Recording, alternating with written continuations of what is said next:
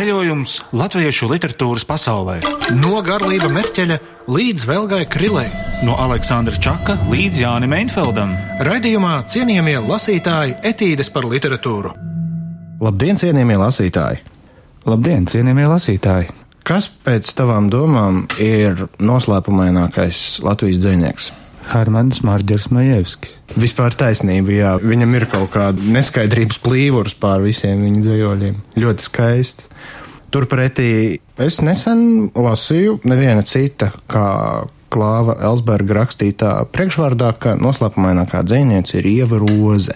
Mūsu šīs dienas tātad raidījuma varone. Un grāmata, kuru mēs izvēlējāmies no Antras Krīles pārvaldībā esošās dzēnietes Velgas Krīles bibliotēkas, ir Ievas debijas krājums no vienas tumsības otrā. Tas, kas man ļoti labi vienmēr uzrunā tieši šo krājumiņu gadījumā, ir dzēnieka rokrakstā tāda maza prātula vai nu, neliela tādi tā kā ceļamaizes vārdi šim krājumam. Varbūt tu varētu nolasīt, kas ir tieši šim krājumam uz pēdējā vāka ar pašu dzēnieces rokrakstu rakstīts. Uzskatu sevi par absolūtu laimes bērnu Šķiet, manī piepildās Bībeles vārdi: Svētīgi tie bēdīgie, jo tie taps iepriecināti. Bieži priecājos, Ieva Roze. Un krājuma redaktora Laima Līvena krājuma pasaknītī raksta, ka Ievas rozes pirmais dzējoļu krājums no vienas tumsības otrā nav ne gaišs, ne saulains. Tajā dzelkst tumsas un nelaimes nojausmas, kuru padziļina spilgtā valoda, košā tēlainība, Tā ir grāmata, kuru rakstījusi jauna meitene ar smagu dzīves pieredzi. Un kas ir savdabīgi, kad tad, kad mēs šo grāmatu atradām strautiņos, Jā. Vēlgas un Antras mājās, šim krājumam tieši bija ievas rozes veltījums, ko viņa bija rakstījis Velgai, Jā. kurā viņu vēlgu mierina un saka, ka to jūs, starp citu, varat dzirdēt tajā raidījumā, kas bija septembra pirmajā nedēļā. Nu, jā, no vienas puses viņu mierina vēlgu un saka, ka nu, tā aptuveni citējot, tu nevari visu laiku padoties bēdām, un turpretī viņas pašas dzēja ir kaut kādā mērā tieši šīs padošanās piepildīta. Bet, Nu, nu, tas redz- nozīmē, ka, jā, ka Bet Tas tam visam, manuprāt, piešķir pat vēl lielāku dziļumu, jo mm, redzi, ja tur saproties, kurš katrs dotos vēlgu mierināt, tas nav gluži tas, ko cilvēks no malas varbūt var tik labi saprast šīs iekšējās garīgās vētras. Bet Ieva, būdama pavisam jauna tajā laikā, ir ar līdzīgu pieredzi, un viņa zina, par ko viņa runā, tad, kad viņa raksta vēlgai šo ierakstu. Un 20 gadi viņai tad ir. Jā, un Vēlga ir dzimusi 45. gadā, un matemātika mums saka priekšā, ka tā gadu starpība ir vairāk kā 30 gadi, jo Ieva Roza ir dzimusi 71. Tas ir apbrīnojami, cik ļoti viņa savā 20 gadu vecumā ir, piedodiet par šādu apzīmējumu, bet vieda gandrīz vai man gribās teikt. Man šķiet, ka viņas dzējā ir tāds kā viedums. Tas ir tas, ko es godīgi sakot arī viņā ļoti apbrīnoju. Man liekas, tas viedums, ko tu pieminēji, parādās gan saturiski, gan arī tehniski, kā šie dzējoļi tiek strukturēti, jo viņiem ir ļoti izteikta ritmika lielākajai daļai, un tiek izmantoti arī uzsvērumi ar lielajiem burtiem. Tauriņš, kas ieslēgts puķē, mirst, ir visusticīgākais elpai. Elpa ir šis uzsvērums ar lielajiem burtiem un arī tāds grandios jautājums. Lielo burtu rakstā, tu manā aizgaldā vairs neparādies dzīve. Tas nozīmē, ka viņai ritms ir bijis ļoti svarīgs, ka viņa nav varējusi mm, šai gadījumā atļaut lasītājiem salikt uzsvarus pēc saviem ieskatiem. Ir svarīgi, lai tieši tas vārds būtu ar uzsitienu. Bet tev taisnība, jā, viņai ir eh, ļoti ritmiski dzējoļi. Un taču man liekas, tie 90. gadu sākums tieši ir tas laiks, kad nu jau dzēnieki it kā no tā klasiskā ritma un strofikas cenšas atbrīvoties ļoti bieži. Šajos dzējoļos ievroze taisn otrādi, man šķiet, viņi pat nevis izlaužās, bet meklē, kā to klasisko formu interesantāk un laikmetīgāk apstrādāt. Vai arī padarīt viņu tikai par savu. Varbūt tas ir virsmērķis. Es pirmo reizi ar Ievas rozes dzējoļiem iepazinos pateicoties grupai Autobus debesīs, kurai ir uh, vairākas dziesmas ar ievas vārdiem. Šajā grāmatā ir, starp citu, pirmais dzējolis, ko es no ievas rozes izlasīju. Un Es varu kļūdīties, bet man šķiet, ka mūsu pirmā iepazīšanās bija caur žurnālu Draugs. Es viņu atradu tieši tajā laikā, kad man bija jābeidz skola, Kaut kur es atradu šādu dzējoli, dzējoļu pat ciklu, kas saucās Rekvijams skolas beigšanai. Īstenībā, tā kā viņš ir pa numuriem, mēs varam ar padošanām lasīt, nu, lai nodalītu.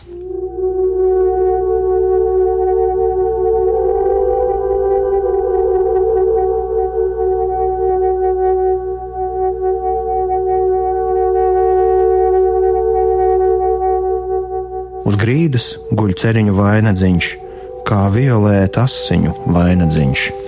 Ko čukst zvaigžņu dzelkstošās līdakas, viņa dzīvē būs nelaimīga. Ko viņas teica? Nespējīga uz praktisku darbību, ideoloģija nebūs viņas stiprā puse. Neusticos zvaigznēm, bet asaras rejot čukstu, būšu jums pateicīga par katru sirds pukstu. Kamēr vien pusaugu zēniņš kaimiņu ķiršos līdīs, pats tu būsi ķēniņš, pats sev brīvais brīdis. Kamēr vien vārīto dziru dzīvīti izstrept tev liek, tu arhimēts ar sviru, ņem vērā to neveiksminieku. Ņem mani savā paspārnē, kā circenīti aizkrāsnē, lai es tevi sajūtu, lai es tevī pazūdu līdz galam vai nemaz līdz dziļumiem, līdz būtībai, līdz tālai, no kuras nākt ar nokaitētām asiņainām kājām, pavisam vienmēr, vai nekad, necik. Kokā uzkāpis būsi pie viņa jau pieradis, bet, ja zemē tiksi, būsi viņu jau iemīlējis. Vairāk ar sirdi, mazāk ar prātu var uzziedināt slotas kātu, kad slotas kātam lapas plauks, vai mani atcerēsies draugs? Ceļa malā klanās rūtots zieds, raibām acīm viņā dzīvi veros.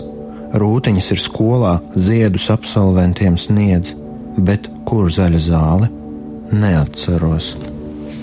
Kad manas mutes vārdi vairs nenesīs augļus, kad mana patiesība būs reibums un iznīcība, kad sabruks pīšļos mana ticības apliecība, lūpas runās citus un rūktus vārdus, metīšos lejā kā vējš no visaugstākās kraujas, ar sirdi, dvēseli un dzīvību saujās.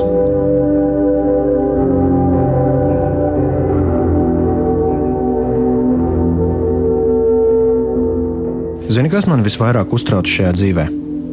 Vārds dzelkstīt. Viņš parādījās pirms tam tevis citātajā momentā, un uh, tagad atkal šajā burvīgajā dzējolī. Kaut kādā vienā no taviem dzējoļiem, ko tu nesen man lasīji priekšā, arī bija vārds dzelkstīt. Jā, tas foršs vārds. Viņš foršs ir, bet viņam katreiz cita nozīme. Ko nozīmē vārds dzelkstīt? Asimirgot. Asimirgot. Ļoti īsu laika sprīdi zip, zip, zip, zip, zip un tā, tā ir dzelkstīšana. Jā, D dzelkstings tā saucamais. Viņi taču ākstās. Uh, tas taču ir viss, ar ko viņi nodarbojas.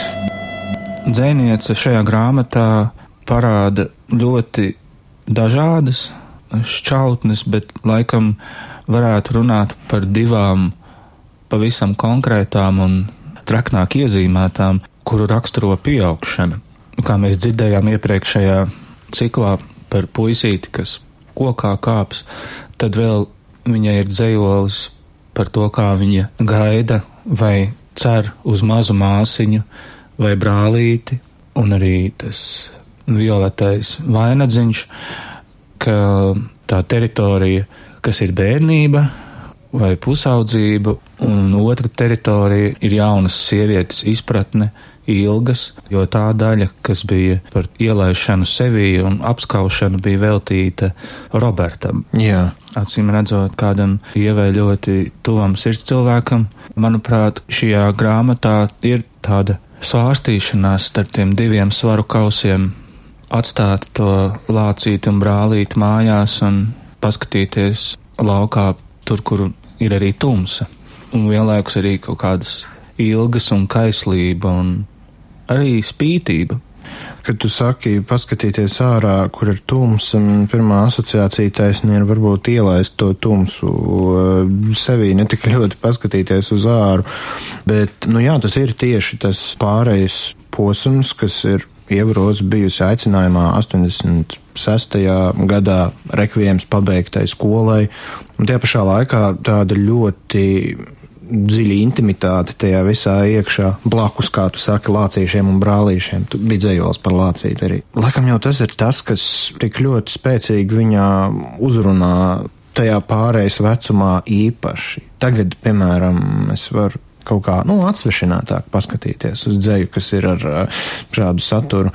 Bet tad, kad es viņu pirmo reizi lasīju, kaut kad pats būdams tajā posmā, man šausmīgi satrauca tas, par ko viņi rakstīja. Tas patiešām bija, nu, tu nesaproti, kas ar tevi kā ar tīni notiek. Tu esi kaut kādā pilnīgi idiotiskā stāvoklī, tev rokas pēkšņi ir izaugušas par garu, tu neapzinies savus gabarītus, tu nesaproti, kas tev, es atvainojos, dvēselē notiek, tu nesaproti, ko just sakarā ar kaut kādu atmodušos uh, libido, un pēkšņi parādās dzēniece, kas tajā pašā vecumā visas šīs lietas ir, nu, ja nesapratusi, tad vismaz poētiskā veidā varējusi izkārtot, izdarīt to iekšējo darbu tavā vietā. Un tagad es uz to atskatos, un es saprotu, cik ļoti labi, ka kaut kas tāds tev atnāk īstajā dzīves brīdī. Jā, tas tā kā, kad padomju laikā bija darba grāmatiņa vai tur kolhoznieka darba apliecība, tad šī varētu būt pusauģu darba apliecība. Skolu beidzot. Gan jau ka kāda ļoti progresīva skola saviem absolventiem šo grāmatiņu ir dāvinājusi. Tas būtu ļoti progresīvi. Parasti dāvina kaut kādas šausmīgas aforismu grāmatas vai tur ceļvārdus gaismas bruņiniekam ļoti bieži. Ko te uzdāvināja pēc izlaiduma, tu atceries? Man liekas, ka tas sākas ar burtu K un beidzas ar U, bet mēs šo vārdu mūsu raidījumā nepieminēsim. Iepriekš es pieminēju lielo burtu pielietojumus gan saistībā ar atsevišķiem vārdiem, gan arī veselu teikumu uzbūvē. Nolasīšu to dzējoli, kurā bija jautājums, vai tu manā aizgaldā vairs neparādies dzīve. Dzējoļa nosaukums - Jauni putni.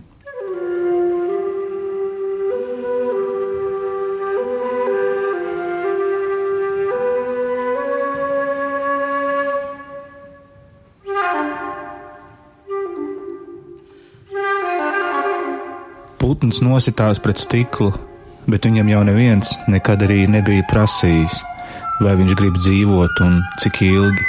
Es tevi mīlu, mīlu, mīlu, dzīve. Tu manā dzīvē ienāci tik pēkšņi dzīve, un pāri mums līst sudrabota gaisma, kā es tev ziedus dāvināju dzīve. Man prieks par sapni, kurā redzu tevi dzīve šķind, sasitas un saplūst mūsu sapņi, kad es atkal tevi ieraudzīšu dzīve, lai atkal spētu tevi mīlēt dzīve. Tu manā aizgaldā vairs neparādies dzīve, logā, kur gaisma aust, lavīties, sev ļoti svarīgam izlikties, plūstošai upei paļauties, straume it visu drīkst atļauties līdzi tai gaismai locīties, bet vai tad gaisma drīkst locīties? Gaismai līdzi locīties, sev ļoti svarīgam izlikties. Sienāzis pa mākoņu kalniem lec, jo augstāk lec, jo vecāks jūtas. Tādi jauni sniegi sniga, uz atmošanos vai uz pamiršanu sniga.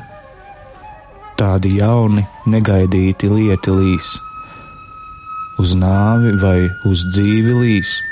Tādi jauni putni klaidos, tavi asins ķermenīši, ceriņi kā sarkas ogles rīta svīts, sekojas jaunām smailēm, asām caururbuļošām kailām. Neklausies, tie nav vārdi, tie ir mani jaunie vārti.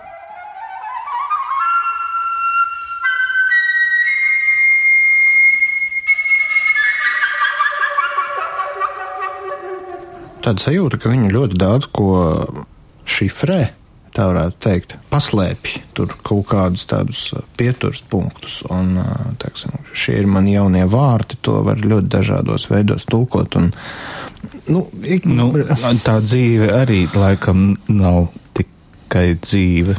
Nu, jā, tāpēc, ka viņi vienā un tajā pašā teikumā izmanto divreiz vārdu dzīve, katreiz citā nozīmē, kas jau ir mājiens uz tā vārda neusticamību vai, nezinu, plašumu. Daudzsejainību. Daudzsejainību, kas dzelkstī.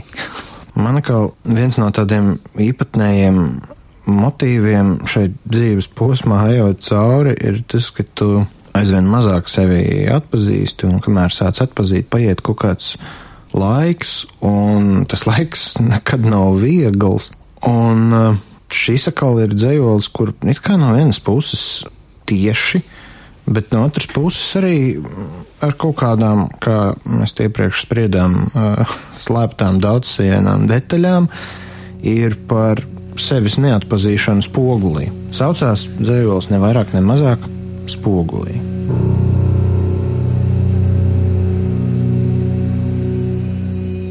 Viskaistāko sapni attopies, viskrāšņāko mīlu atgūsties, vistaisnāko taku nogriezies, vislabākos draugus atšķelies. Krustojas zobeni liekuļiem dažiem, bet es jau ilgi esmu uz nažiem. Flokses vāzē, nakts, es esmu ar tevi vāzē, brīnišķā puķe, pat tad, kad vāze pārtop mīnā, ūdens vīnā, es būšu ar tevi, ziediņ, to labi zinu, es kļūšu par tevi. Liepas stumbrā triecas lode, sula. Tikai nesaki nodeva, tikai neteic tādēļ skuma. Lai liepās pieto bites, lai viņām ir medus, tikai nesaki, ka priecājies par to, tikai neteic, kas salds. Lai nekas nav kārtībā, gaidi tomēr rītu. Tev viss tāpat vien pāries, man tā krietni svīstot. Ūdeni plaukstām mēra, izlietais mūža ilgums, rezumējošā sāpe, kopsavilkums. Paskaties spogulī, tu neredzi sevi, jo sen jau neesi pats sevī, bet pagaidām vēl tu spogulī skaties. Spogulīt, spogulīt, esi patiess.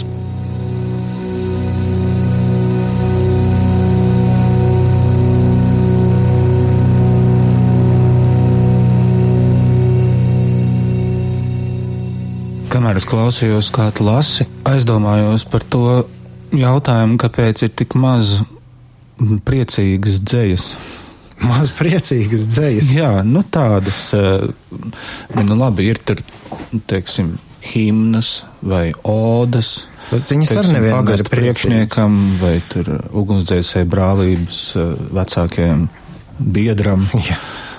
Nu, vai arī, teiksim, tāda dzēja, kas ir nu, bērnu dzēja, mēdz, dzēja bērniem mēdz būt priecīga, un arī pašu bērnu dzēja mēdz būt priecīga, bet, ja mēs runājam par liriku vai tādu intīmo dzēju, kāpēc viņa galvenokārt ir pildīta ar skumjām un melanholiju? Tāpēc, ka tad, kad tu esi priecīgs, tu to prieka avotu, kas tev ir apkārt, fiziskajā pasaulē, tu viņu uztver nepastarpināti un tu viņu neinterpretē. Nu, teiksim, ja tu ēd ļoti garšīgu saldējumu, tad uh, nu, tas saldējums ir tik garšīgs, un tev nerodas citu domu par to, kas tas vēl varētu būt, ja ne saldējums. Savukārt, kad mēs nonākam pie pārdomām par savām sajūtām, par kaut kādu konkrētu stāvokli vai kādu cilvēku vai vairākiem cilvēkiem, tad mēs interpretējam gan šo stāvokli, gan, gan šo cilvēku vai, vai, vai cilvēkus. Ir tāda šķetināšanas klātbūtne, un tie šķetinājumi mēdz parādīties arī kā dzējoļi. Nu, pagaidi, bet nu, tas ir tā ļoti uh, vispārinoši. Nu, to šķietināšanu un interpretāciju jau var ļoti labi veikt arī par patīkamām lietām, un taču gal galā no turienes bieži vien rodas tam nav obligāti jābūt kaut kam šausmīgi pacelājošam, kā, teiksim, odas uguns, brīvprātīga ugunsdzēsēja biedrība vai, vai kaut kas tāds, bet, nu, piemēram, čaka eh, mīlestība pret uh, pilsētu un uh, kaut kādas, nu, tās pastaigas, ko viņš veids pa bulvāriem, tā jau arī ir principā refleksija par lietām, kas viņam sagādā tikpat lielu prieku vai varbūt pat vēl lielāku nekā saldējums. Respektīvi, tur jau arī var rasties dzēja. Jautājums ir par to, kāpēc tas uh, skumjais žanrs vismaz rodas tāds iespējas, ka popularitātes ziņā gūst virsroku par priecīgo žanru. Tā varbūt varētu par to domāt. Tev, vai tad nav dažreiz tā, ka tu arī, piemēram, pastaigājies pa mežu vai pa pilsētu, un viss ir kaut kā ļoti labi, bet tad, kad tev ienāk prātā uzrakstīt dzējoli par to, kas ir labi, interpretācija par savu labo iešanu pa mežu vai pa pilsētu, skumjas iezogas arī tur, kur tev ir prieks. Būs mums tas Fritzs Bārdienis arī jāapskata raidījumā, es tā jūtu. Mēs kaut kā viņam sākam cilpot neapzināti apkārt. Nu. Mēs lasījām dzējoļus no Ievas rozes, pirmās grāmatas no vienas tumsības otrā. Paldies vēlreiz Antrai Krilei, Paldies. no kuras to aizņēmāmies. Un nākamajā raidījumā būs jau cits stāsts un citas pārdomas un citi lasījumi. Ieskatīsimies citu cilvēku galvās. Visu labu un lai jums patīkam, patīkam svētdiena! Tā, tā. Prom garlaicības krāsmatas, Prom garlaicības krāsmatas, prom garlaicības krāsmatas. Es, es gribu lasīt grāmatas, ja? Mm -hmm. Raidījumā cienījamie lasītāji etīdes par literatūru. Svētdienās 11.36. LR1